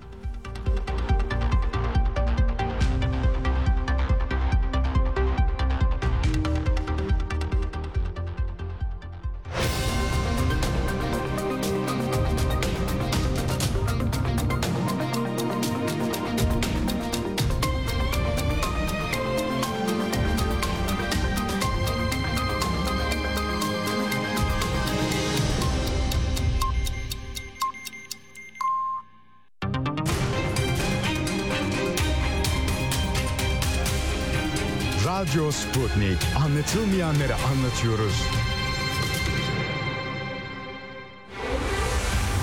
Ceyda Karan'la Eksen devam ediyor. Evet Eksen'in ikinci yarısındayız. Telefon hattımızın diğer ucunda Profesör Emin Gürses var. Hoş geldiniz hocam yayınımıza. Hoş bulduk. İyi yayınlar diliyorum. Çok teşekkür ediyorum. Çok sağ olun. Ee, Emin Hocam Orta Doğu'yla yatıp kalkıyoruz. Ee, bir aydır, bir ayı geçti artık. Tabii Hamas'ın 7 Ekim'de düzenlediği saldırı. Ee, ilk başta İsrail tabii çok büyük bir darbe yemiş gözüküyor. Fakat sonra işler Gazze'de büyük yıkıma dönüştü. Dünyanın 7 Ekim'de İsrail'e sempatisi ortaya çıkmıştı ama o da kayboluyor. Ve e, şimdi tabii Hamas'ı yok edeceğiz diyorlar. E, e, bütün dünyayı da etkiliyor hocam bu gelişmeler. Yani Avrupa ülkelerinde protestolar, yasaklamalar derken Amerikan yönetimi tabii çok rahatsız oluyor. Kontrol edemiyor gibi bir görüntü var ya da ediyor olduğunu da söyleyenler var tabii ki. E, nedir hocam e, sizin öncelikle mevcut analiziniz? E, buraya e, nasıl gelindi? Mevcut durumu nasıl anlamak gerekiyor? Belli planlar mı hatta geçiyor? Nasıl görmek lazım? Nasıl değerlendiriyorsunuz? En sondan başlayalım hocam. Şöyle diyelim. Eğer burada parasal bir olay olmazsa bu kadar planlama, bu kadar çaba olmaz. Bu kadar şimdi Yahudilerin dünyada mazlum olmaktan zalim olma durumuna doğru dev, evrilme süreci ni başlattılar. Bunu tabii Avrupalılar söyleyemiyor ama dünya dünyada insanların gözünde böyle bir süreç var. Bunun bunun şeyi yok. Yani bunu öyle kolay kolay kolay kolay temizleyemezler. Bunu yapıyorlarsa mutlaka arkasında çok önemli bir şey var. Onun için İngilizlerin dediği gibi parayı takip edeceksin. Ne var burada? Bakın tam Gazze'nin açıklarında İsrail ile Kuzey e, Gazze'nin kuzey bölümüyle İsrail e, sınırı arasında çok önemli doğal kaynakları var. İsrail bu gaz, gaz yataklarına gözünü zaten koymuştu. Ama bir fırsat gerekiyordu. Bunu da Hamas bunlara verdi. Hamas 3000 tane füze attı diyorlar ama hiçbir zaman Hamas'ın bu füzelerini Amerikan gemilerine, İsrail gemilerine, İsrail e, askeriyle çatışmalarında kullandıklarını görmedik. Sivil bölgelere atıyorlar. Arada düşüyorsa bir tane askeri bölgeye düşüyordur. Ama şimdi İsrail Birleşmiş Milletler Sözleşmesi'nin 51. maddesine göre meşru savunma hakkını kullanıyorum dedi. E şimdi Evet. meşru savunma hakkını buna Birleşmiş Milletler bir şey diyemez. Ama meşru Evet. savunma hakkını kullanırken e, yine 51 ma- 51. madde maddeye göre Gü- Güvenlik Konseyi'ne ve Genel Sekretere rapor edeceksin ve onlar bunu takip edecek. Ha, orayı yapmıyor. Orayı yapmadığı için mazlum olmaktan çıktı İsrail. Şimdi ama Hamas bu saldırıyı meşrulaştırma sürecini başlattı. Şimdi İsrail ne diyor? Açıkça diyor ki Kuzey Gazze'yi boşaltın. Zaten Gazze'nin güneyinde güneyinin denizinde şey yok. Doğal gaz yatağı yok. Kuzey bölgesinde var. Zaten özellikle e, Gazze'yi ikiye böldük diyor. Kuzeyini alacak. Bu insanları buradan boşaltacak. Ve diyecek ki saldırıya siz, siz başlattınız. Ben de savaşı kazandım burayı aldım. Burayı Evet, boşaltan hocam- burayı Evet. boşaltan Filistinliler bir daha bu bölgeye gelemeyecekler. Hocam e, İsrail geri dönebileceksiniz gibi şeyler de söylüyor. İşte Ya kuzeyden ben- güneye. ben- Hocam 67'de e, İngilizlerin verdiği bir önemli genelge var. Güvenlik Konseyi bunu kabul ediyor. Ne diyor? 67 sınırların öncesine döneceksiniz. Şimdi bunu konuşuyorlar. Bu mümkün müdür? Değildir. Ha, ne diyorlar? Ya, böyle, ya uluslararası hukuk fakir fukara uysun diye yapılır. Kendileri uysun diye değil.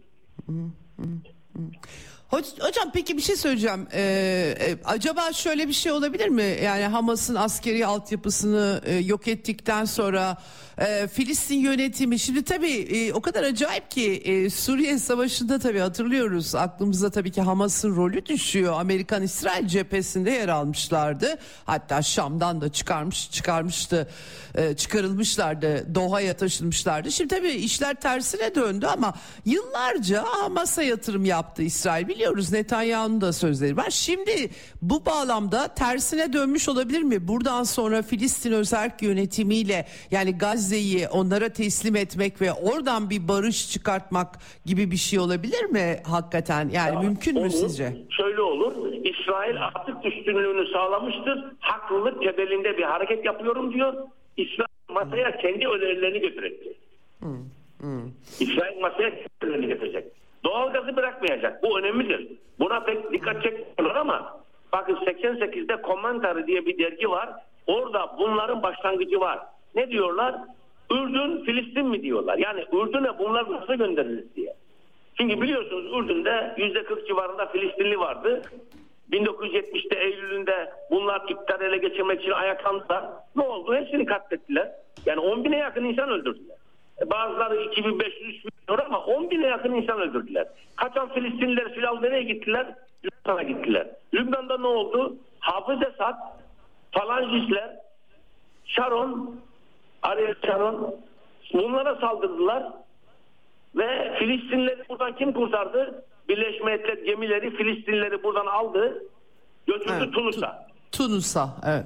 Evet. Tunus'a götürdü. En- En, son 84 senesinde bu operasyon tamamlandı. E, ne oldu? Amerikan Büyükelçiliğine bombalı saldırı yaptılar. 200 küsür kişi öldü falan. E, onlar önemli değil ki Amerika için, İsrail için. 200 kişi ölür, 200 kişi gelir yerine. Önemli olan ne yaptılar? Ürdün'ü kurtardı İngiltere mesela. Evet. Hocam şöyle bir şey şimdi şunu da soracağım size. Bu e, tabii 7 Ekim baskını olduğunda e, hakikaten e, büyük bir korku saldı. E, İsrail toplumu Yom Kippur Savaşı'nda bile böyle bir şey e, yaşamadı. Ben de o toprakları bir parça biliyorum. E, yani travmayı anlayabiliyorum bu bağlamda ama tabii çok ağır bir yanıt verdi. E, e, vermeseydi BM Güvenlik Konseyi'ndeki mazlumluğu üzerinden gitseydi büyük ihtimalle e, Rusya ve Çin'in de desteğini alabilirdi İsrail yönetimi ama onun yerine başka bir şeye giriştiler. Şimdi bu iş e, 7 Ekim'de olduğunda Hamas'ın ilk defa tabii İsrail ordusunun kağıttan kaplan olduğunu ortaya koyduğu, zafiyetlerini ortaya koyduğu analizleri yapıldı. Fakat şimdi bu eylemin bumerang gibi dönüp yine Filistinlileri vurduğu e, gibi bir durum çıkıyor. Yani son tahlilde askeri güç ortada. Tabii ki İsrail kayıplar verebilir Gazze sahasında, şehir savaşında. Fakat düzenli bir ordu, Amerika'nın caydırıcı gücü desteği var. E, tabii burada Hizbullah faktörü ve işte direniş cephesi var. Yani bölgesel savaşın genişlemesi. Onlar da çok istemiyorlar gibi. Dolayısıyla Hamas'ın e, hanesine artı kazanım yazılmış olan şey doğru mu yoksa değil mi? Ne dersiniz? E, erken mi ya da analiz yapmak için? Ya hocam şimdi bunları konuşuyorlar. İsrail Birleşmiş Milletleri de gitseydi bu Hamas e, terör örgütü ilan edildi. Burada Birleşmiş Milletler devreye girdi. İsrail'in derdi o değil ki. Hamas'ın saldırısı İsrail tarafından bilinen bir saldırı. Şimdi bir kısım insan dedi ki ya o işte e, gafil avlandı. Ya ne gafil avlanması ya? Mısır istihbarat ne dedi? 3 ay evvelden biz söyledik diyor. Ya 3000 tane füze yerleştirecek 3000 tane adam. 3000 tane adam bunların yardımcılarla beraber birkaç bin kişi ve bunu kimse görmeyecek. E, İsrail istihbaratını biliyoruz ki kendi alan çalışmalarında Filistinleri istihdam eder. İşi Yahudi kullanmaz ki orada.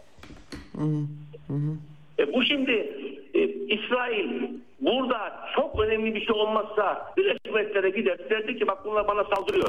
Şeyde olduğu gibi Lübnan'ın güneyinde e, Hizbullah saldırınca Birleşmiş Milletler'e gitti. Buraya bir asker gönderin dedi. Birleşmiş Milletler buraya asker gönderdi. Türkiye'de bin tane asker gönderdi. Bunu yapardı. Ama o derdi o değil ki. Oradaki doğalgaz yataklarını ele geçirecek hocam. Orada araziyi alırsa denizdeki doğalgaz yatakları da İsrail'e geçecek. Yoksa Lübnan'da yaptığını yapardı. Evet. Lübnan'da ne oldu? Hizbullah buradan füze atıyordu. Birleşmiş Milletler'e gitti dedi ki 2006'da ya bunlar bana füze atıyor.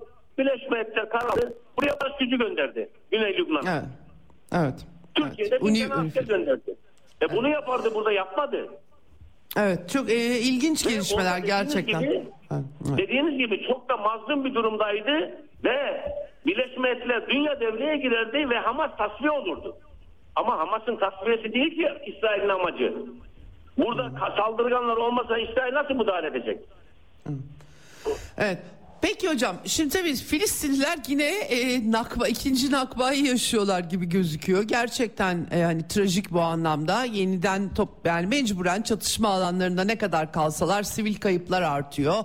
Dünyanın tepkisi artıyor ama kimse müdahale de edemiyor. Amerika'nın pozisyonu belli. Rusya Federasyonu, Çin denediler, deniyorlar, da, devam da ediyorlar ama Şimdi şöyle bir denklem oluştu. Tabii başından beri de ben de yazdım e, açıkçası ta ilk başta yani daha Ekim ortası olmadan evvel e, Ürdün ve Mısır yönetimlerinin verdikleri tepkiden e, Amerika Birleşik Devletleri'nin İsrail'le birlikte Gazze'deki Filistinlileri Arap devletlerinin bir şekilde almasını istediği belliydi. Yani hiçbir haberin sızmasına da gerek yok. Verdikleri tepki ortadaydı. Tabii e, İhvan'ın güçlü olduğu bir toplum kesimini Sina'ya almak istemedi Mısır. Aynı şekilde Ürdün hep e, Filistinlilerle anılıyor. Kırmızı çizgi çektiler vesaire. Görülmedik bir direniş sergilediler. Amerikan diplomasisi kıramadı o direnişi. E, fakat şimdi e, çok da vazgeçmiş gözükmüyorlar hocam. Bir de tabii Türkiye ile ilgili de iddialar buna eklendi. E, tabii e, Anthony Blinken geldi Ankara'ya. E, zaten ilişkiler hassas Amerika'yla ve e, hiç basın toplantısı olmadan Blinken e, Gazze'dekilerin çıkarılması gibi çok önemli meseleleri görüştüklerini söyledi. Nasıl anlamak lazım hocam? E, şimdi hem Mısır, Ürdün direniyor. Peki Türkiye burada nasıl bir pozisyonda? Tabii herkes doğal olarak yalanlansa bile aklına e, sığınmacı sorunundan ötürü yeni sığınmacıların gelmesi düşüyor. Türkiye burada nasıl bir rol oynuyor? Garantörlük diyor ama so- sonuçta her şey mültecilere bağlanıyor. Nasıl görmek lazım Şimdi Türkiye hocam durumunu? garan- garantörlük uluslararası hukukta yeri var. Garantörlük nasıl olur? Bir ülkede e, bir barış olur. Kıbrıs'ta olduğu gibi bir anlaşma olur. 60 anlaşması yapıldı. E, 60 anlaşmasında bir cumhuriyet kuruldu. Türkiye, İngiltere, Yunanistan garantör oldu. Yani ne, garantör ne demek? Bu statüyü koruyacağız demek. Garantörlük o. Şimdi e, Gazze'de böyle bir statü yok. Gazze'nin neyine garantör olacaksınız? İsrail diyor ki ben kuzeye yerleşeceğim diyor. Ne zamana kadar? Indefinite diyor. Yani belirsiz bir süre. Ben bu işlerimi bitirene kadar. Kendi açıklamaları var. Evet. Belirsiz bir süre. Bu işleri bitirene kadar diyor. O işlerin bitmesi nedir? O işlerin bitmesini kendi karar verecek. Siz neye garantör olacaksınız? İsrail orada. Hani şuna garantör olmak istiyorsanız olur. E, bu, bu şeyleri biz e, güney e, güneye toplayalım. Gazze bölgesinin güneyine toplayalım Filistinlileri. E bu, bu bölgeyi korumak için garantör olalım. E Mısır var orada. Mısır garantör olacak. Amerika garantör olacak. Değil mi? Kesin. Evet. E başka kim garantör olacak? Türkiye'de garantör olsa Amerika ile Mısır olursa Türkiye olabilir. Onun dışında siz kuzeye nasıl garantör olacaksınız? İsrail diyor ki buradan çekilmem. E, Amerika diyor ki İsrail tam destekliyorum. Bütün Avrupa ülkeleri ya karşı çıkanlara ya karşı çıkanlara bile e, düşman gözüyle bakıyorlar. Almanya'da ba- bakan yardımcısını görevden aldılar. Ya Filistinliler falan haklarını. Şimdi Birleşmiş Milletler Genel Sekreterini de yakında kovabilirler oradan. evet, evet, o çok trajik hakikaten. Ha, peki hocam, yani Türkiye yeniden tabii e, çok büyük tartışmaları ol- oldu, hala da devam ediyor. Sığınmacılar, işte vatandaşlık dağıtımları, şeyi şunlar da. unutmayın, bakın. Şimdi bir de Filistinli mültecileri alır mı? Yani yardım bu arada, hani yaralıları çıkartmak, Ya şimdi kadınlar, bu- çocuklar Amerikan falan Dışişleri. Bakanı Amerikan Dışişleri Bakanı Ankara'ya geldi. Daha önce gelmeyecekti. Şimdi diyorlar Evet. ki Tayyip Erdoğan e, onunla görüşmemek için Rize'ye gitti. Tayyip Erdoğan bir hafta evvelden bana söylediler. Rize'ye gelecek sen de gelir misin dediler. Bir hafta evvelden. Ve o zaman da bu, bu Amerikan Dışişleri Bakanı için Türkiye'ye uğramayacak bu adam diyorlardı. Tayyip Erdoğan o zaman gitti Rize'ye. Yoksa bu adam bu adamın asıl görevi Dışişleri Bakanı ile görüşmek. Onunla gizli görüşme yaptı. O görüşme bilinmiyor. İki buçuk saate yakın görüşme yapılmış. Ne konuştular? Evet. Ya bir de atmayalım. Yok işte sarılmadı marılmadı. Bu Dış, Dışişleri Bakanı'nı parlatma sürecidir. Unutmayın. Amerika'nın Dışişleri Bakanı'nı parlatma sürecidir. Bu Tayyip Bey'i nasıl tasfiye ederiz? Nasıl Kılıçdaroğlu'nu tasfiye ettiler? Çünkü e, İmamoğlu'na desteklerden geliyor. Çok önemli bir TÜSİAD üyesi bana dedi ki TÜSİAD da İngiltere. E, e şimdi e, Tayyip Bey'i de tasfiye edip sen biraz dinlen derler ona. Sağlığın iyi yet- yoruldun diyor derler ona. E, şeyi de yerine getirirler. E, Fidan'ı. E, Fidan dünyayı Evet. dolaşıyor dolaşıyor. Dünyadaki bütün büyük di- dışişleri bakanlarla görüşüyor. Ondan sonra Amerikan Dışişleri Bakanı'nı arıyor. Ne, niye arıyor? İşte şu bilgiler aldım siz ne diyorsunuz diyor. Herhalde onu diyordu. Ne diyecek başka? Peki hocam tabii Türk Türk kamuoyu gerçekten bu sığınmacı meselesini artık merak ediyor. Ee, yani yaralıları, kadınları, çocukları çıkartma e, başlığı altında altında böyle bir şey gerçekten söz konusu. Bu kadar insan tabii nereye gidecek? Öyle de bir var. İngiltere'de bizim eski komünist abilerimiz var. Diyorlar ki İngiltere'de borsada çalışanlar da var orada. İngiltere'de 12 Mart'ta kaçmış. Orada okumuş. Bu önemli makamlara gelmiş. Diyorlar ki Türkiye'ye para göndermiyorlar bu işler için. Yani Türkiye'ye başka tavizler koparacaklar. Çok para gönderecekler ama o tavizleri verirse. O tavizler bu olabilir yani. E, e, Filistinleri dağıtabilirler dünyaya. E zamanda dağıttılar da sonra Ürdün'ün başına sıkıntı oldu. Yani Filistinlileri topraklarından çıkanlar bir daha oraya gelemez. Onu unutmasın. Filistinli öğrencilerim var. Söyledim onlara. Oraya savaşmaya gittiler. Orayı terk ederseniz bir daha gelemezsiniz. Yok İsrail Peki- görmüş ki ben sonra bunları geri getireceğim. Mümkün değil hocam. Olanları vermemiş. Aldıklarını bir daha verir mi geri? Ama Pe- peki Türkiye'de, hocam. Türkiye'de, Türkiye'de kamuoyunu hazırlıyorlar. Yani bu, bu Blinken'ın gelmesi, e, Dışişleri Bakanı'na görüşmesi, yok Dışişleri Bakanı saldırmadı, omuz attı, bilmem ne attı. Ya bunlar zaten Türkiye'de Amerika, İsrail karşıtlığı oldu mu vatandaş helal olsun der. Onu biliyorlar, ona göre hazırlık yapıyorlar. Bunlar deli değil. Evet. Peki hocam e, e, Netanyahu şimdi tabii e, Türkiye'de de e, somut bir adım yok sadece istişare için büyükelçi çağırdı. Zaten uzun süre yoktu bir yıl önce e, elçi atanmıştı ilişkiler normalleşmesi. Biraz tabii yani Türkiye dış politikası da e, dönüşler yaptı. Daha temkinli daha arabulucu pozisyona yerleştirdi kendisini. E, dolayısıyla İsrail'le köprüleri atmıyorlar ama böyle retorik çok güçlü. E, retoriğin ama dünyada da Arap dünyasında da yani Türkiye böyle bağırıyor ama hiçbir şey yapmıyor diye de artık net Ya olarak e, koyuyorlar. yaptı, İkisi de yapamaz. Yapamaz. Evet. bir şey. Ya Evet. burada burada yapacak olan Filistinlerin kendisidir. Dışarıdan yardım bekliyorlarsa hava beklerler. Evet. Öyle Peki, bir şey işin- olmayacak yani yok Arap ülkelerinden Türkiye'den bir yardım ha manevi yardım olur e, fırın kurarlar e, buğday un gönderirler onlar olur böyle garantörlük garantörlük Türk bu garantörlük lafını kim çıkardı anlamıyorum ya herhalde hiç hukuktan hukuktan haberi yok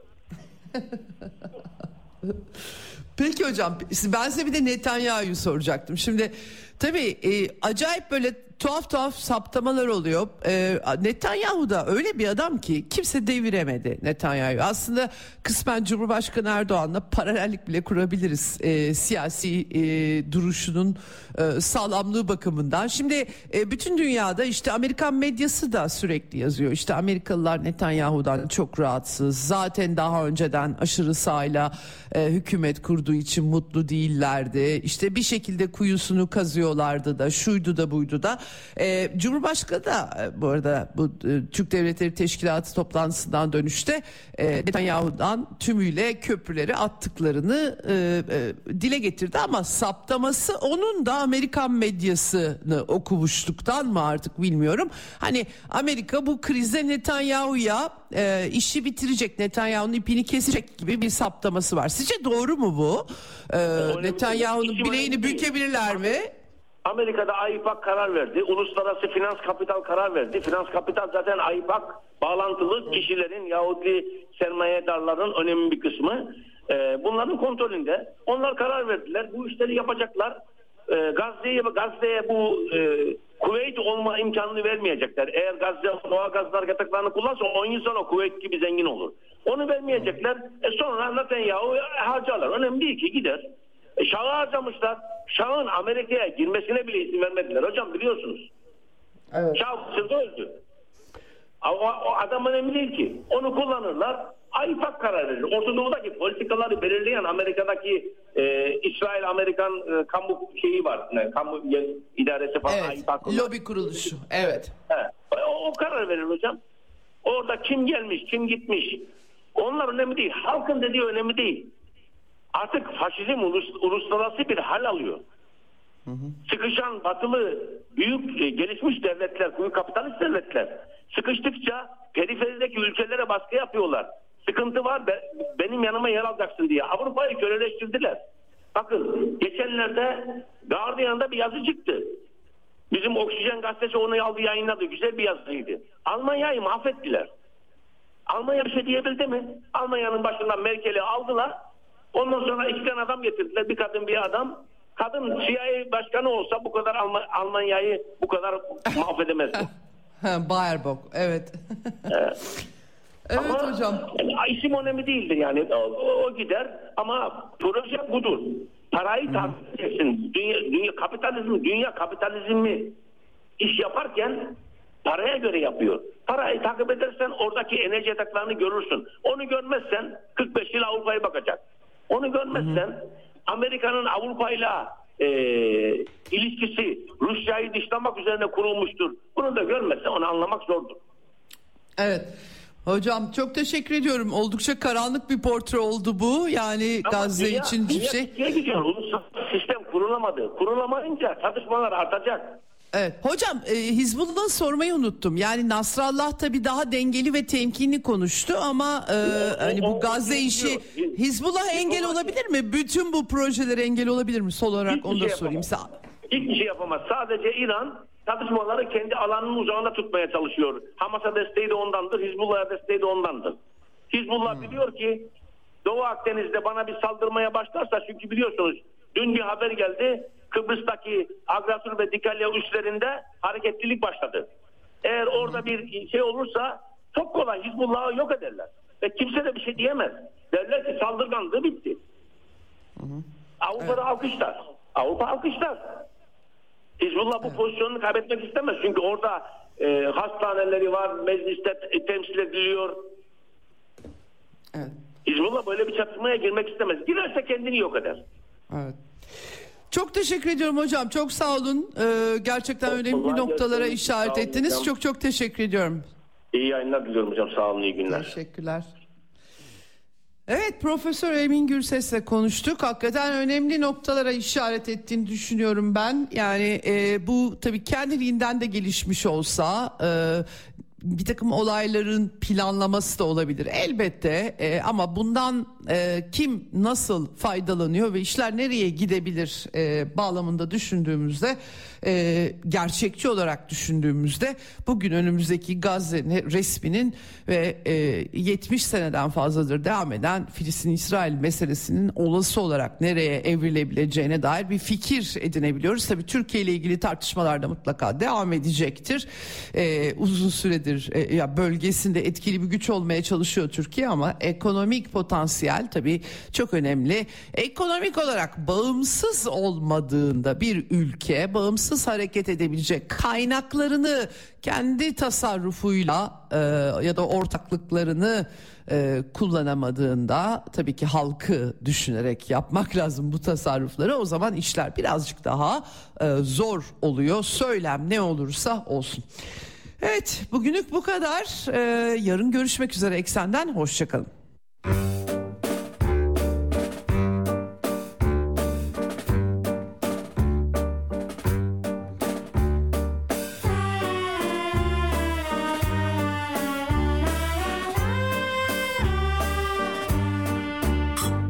Sugar pie, sugar pie, how long are we gonna keep trying and falling, trying, falling, trying, falling? Can't you see that clearly?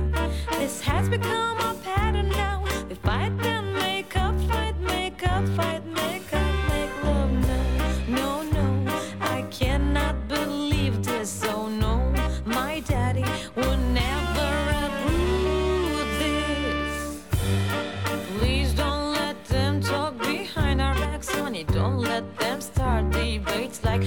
choose love or money? Let's laugh at those who thought we were not gonna last. Let's put a few ha ha ha's after quoting our sarcasm. And if they ask, I'll say, of course we're still in love. Not because we're not, but because we really are.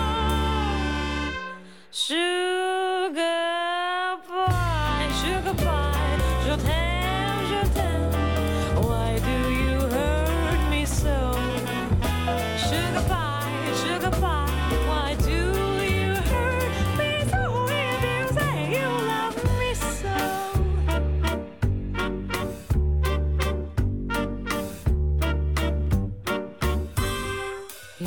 Bloody neighbor comes in today to see how we're doing, but all she's doing is in fact sniffing around for some gossiping. Get a life, lady. When your mother calls me and says to me that she's praying for us, how should I reply? Should I thank her? Should I apologize? Can't you see? Can't you see where you put me, my baby? Can't you see? Can't you see? Didn't buy this dress for me, it's for you, mi amor. Sugar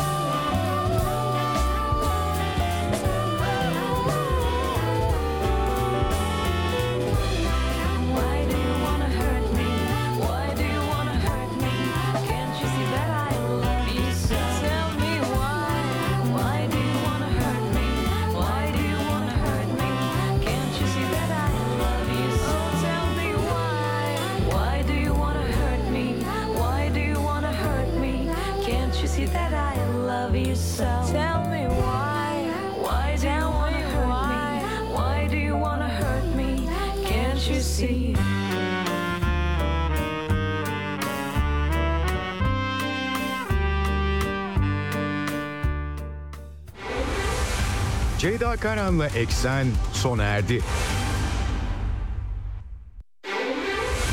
Dünya kadar mesele, dünyanın tüm meseleleri. Ceyda Karan Eksen'de dünyada olup biten her şeyi uzman konuklar ve analistlerle birlikte masaya yatırıyor.